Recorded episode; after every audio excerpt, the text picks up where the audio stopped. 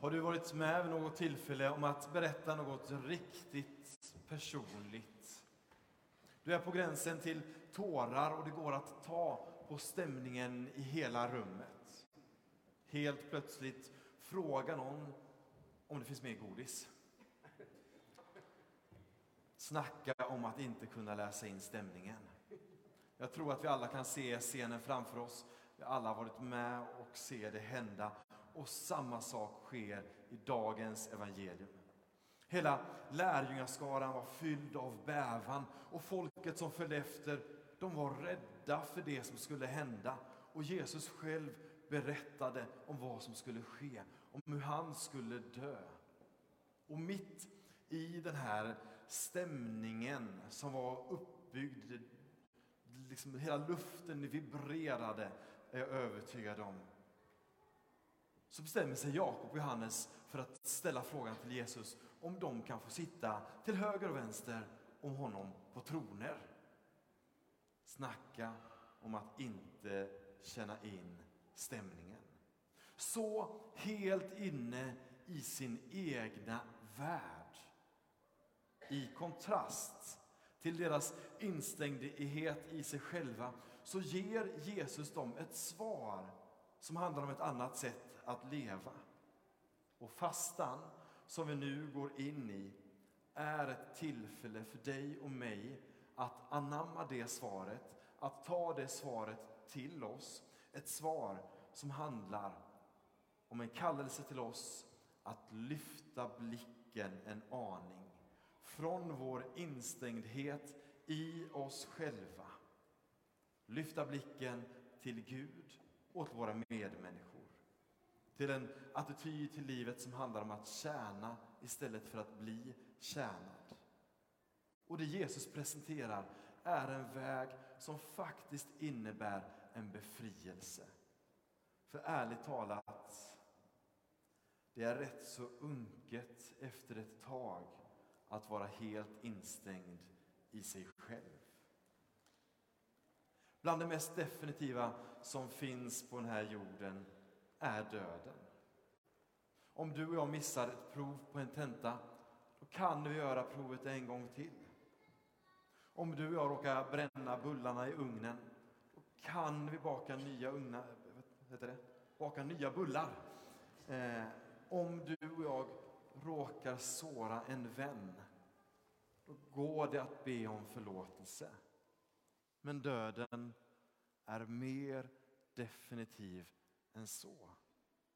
Men så får vi i dagens texter höra att det finns någonting som är ännu starkare, ännu mer definitivt. Någonting som döden inte rår på, nämligen kärleken. Mot kärleken har döden ingen makt. Det är en eld som inte kan släckas. Floder kan inte svepa bort den, fick vi höra i dagens gammaltestamentliga text. Ingenting kan hindra kärleken. Och jag är övertygad om att när jag säger det så resonerar det hos oss alla här inne och vi känner i våra hjärtan, ja, jag håller med. Ingenting kan besegra kärleken. Låt oss då stanna upp lite grann. För om det skulle vara så att Gud inte finns, om kärleken endast skulle bestå av biologiska och kemiska processer i våra hjärnor som skulle få oss visserligen att känna en massa fina saker i våra hjärtan och absolut skulle vara en kraft som påverkar oss. Då hade det ändå varit så att det hade funnits ett tillfälle då kärleken potentiellt sett hade kunnat ta slut. Ett tillfälle då döden hade kunnat visa sig vara starkare. Ett tillfälle då allt gott skulle ta slut. Men när jag säger detta så är jag också övertygad om att du och jag sitter här inne och känner, nej men så kan det inte vara. Kärleken kan inte vara svagare än döden. Kärleken måste vara starkare. Och vi i vårt inre protesterar automatiskt mot detta att döden hade kunnat vinna över kärleken. Och det är ju precis det som kristen tro presenterar. Att kärleken har sitt ursprung i Gud. Och tack vare det så är kärleken den starkaste makten som finns i universum. En makt och en kraft som är så oerhört mycket starkare än kemi och biologi. Det är en levande kraft som kan förändra hela vår värld. Som kan skapa liv och överskrida tid och rum och till och med döden själv. Kärleken är inte någon praktisk illusion i vår vardag. Den är äldre och mäktigare än universum självt. Och allt som du och jag ser omkring oss som är gott är ett resultat av kärlek. Därför att Gud är kärlek. Och utifrån detta så älskar vi. För att Gud älskade oss först. Och fastetiden som vi nu går in i, som startar på onsdag då vi får fira askonsdagsmässa här i kyrkan 18.30 och som varar sen fram till påsk. Fastetiden är en påminnelse om allt detta. En uppmuntran till dig och mig att lyfta blicken från vår egen instängdhet. En befrielse från vår egen instängdhet och en kallelse att praktisera Jesus sätt att leva gentemot vår värld. Fastetiden är ett sätt för dig och mig att kalibrera vårt inre med kärleken som riktmärke. Och så kan vi ställa oss frågan, varför gick Jakob och Johannes fram till Jesus vid det här tillfället och frågade om en plats vid hans tron? Var de osäkra på om Jesus såg deras betydelse? Hur viktiga lärjungar de var?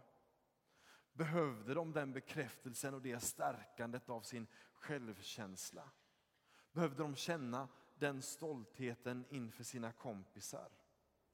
Var det så att Jesus för dem bara var en metod för att få en position, för att bli omtyckt och för att få en image?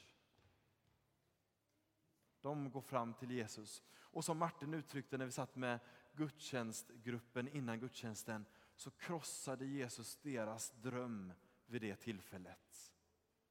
Men han gav dem en ännu större dröm. Drömmen om ett nytt sätt att leva och tjäna och förändra världen genom kärleken. Och Jesus börjar här undervisa om Guds rikes omvända matematik. Som handlar om sånt som döden inte kan ta ifrån oss. Visst är det intressant hur mycket kraft vi ofta lägger på sånt som döden bara kan rycka iväg från oss. Istället för att lägga kraft på det som är bestående och varar för evigt. Och modern forskning visar dessutom att Jesus hade helt rätt i sin lära. Vi mår bättre. Vi känner en djupare mening i livet när vi lever vårt liv genom att vara till för andra, arbeta för andra människor. I kärlekens kraft gick Jesus från liv till död och tack vare hans kärlek får du och jag göra samma resa. En resa som vi uppmärksammar i fastetiden. En resa som handlar om att offra saker för kärleken. Kärleken som är stark som döden. Kärleken som ingenting kan liksom stå i vägen för. Och när vi offrar allt för kärleken, då finns det ingen som föraktar oss för det. Genom hela kyrkans historia har fastan varit ett tillfälle då vi som kyrka avstår från bekvämligheter i vår vardag till förmån för den som har mindre än vi själva. Och det har varit ett tillfälle då vi lyfter blicken från oss själva till det som har en högre mening. Och vi får se lite klarare, lite lättare, lite friare och lite mer kärleksfullt på vår omvärld.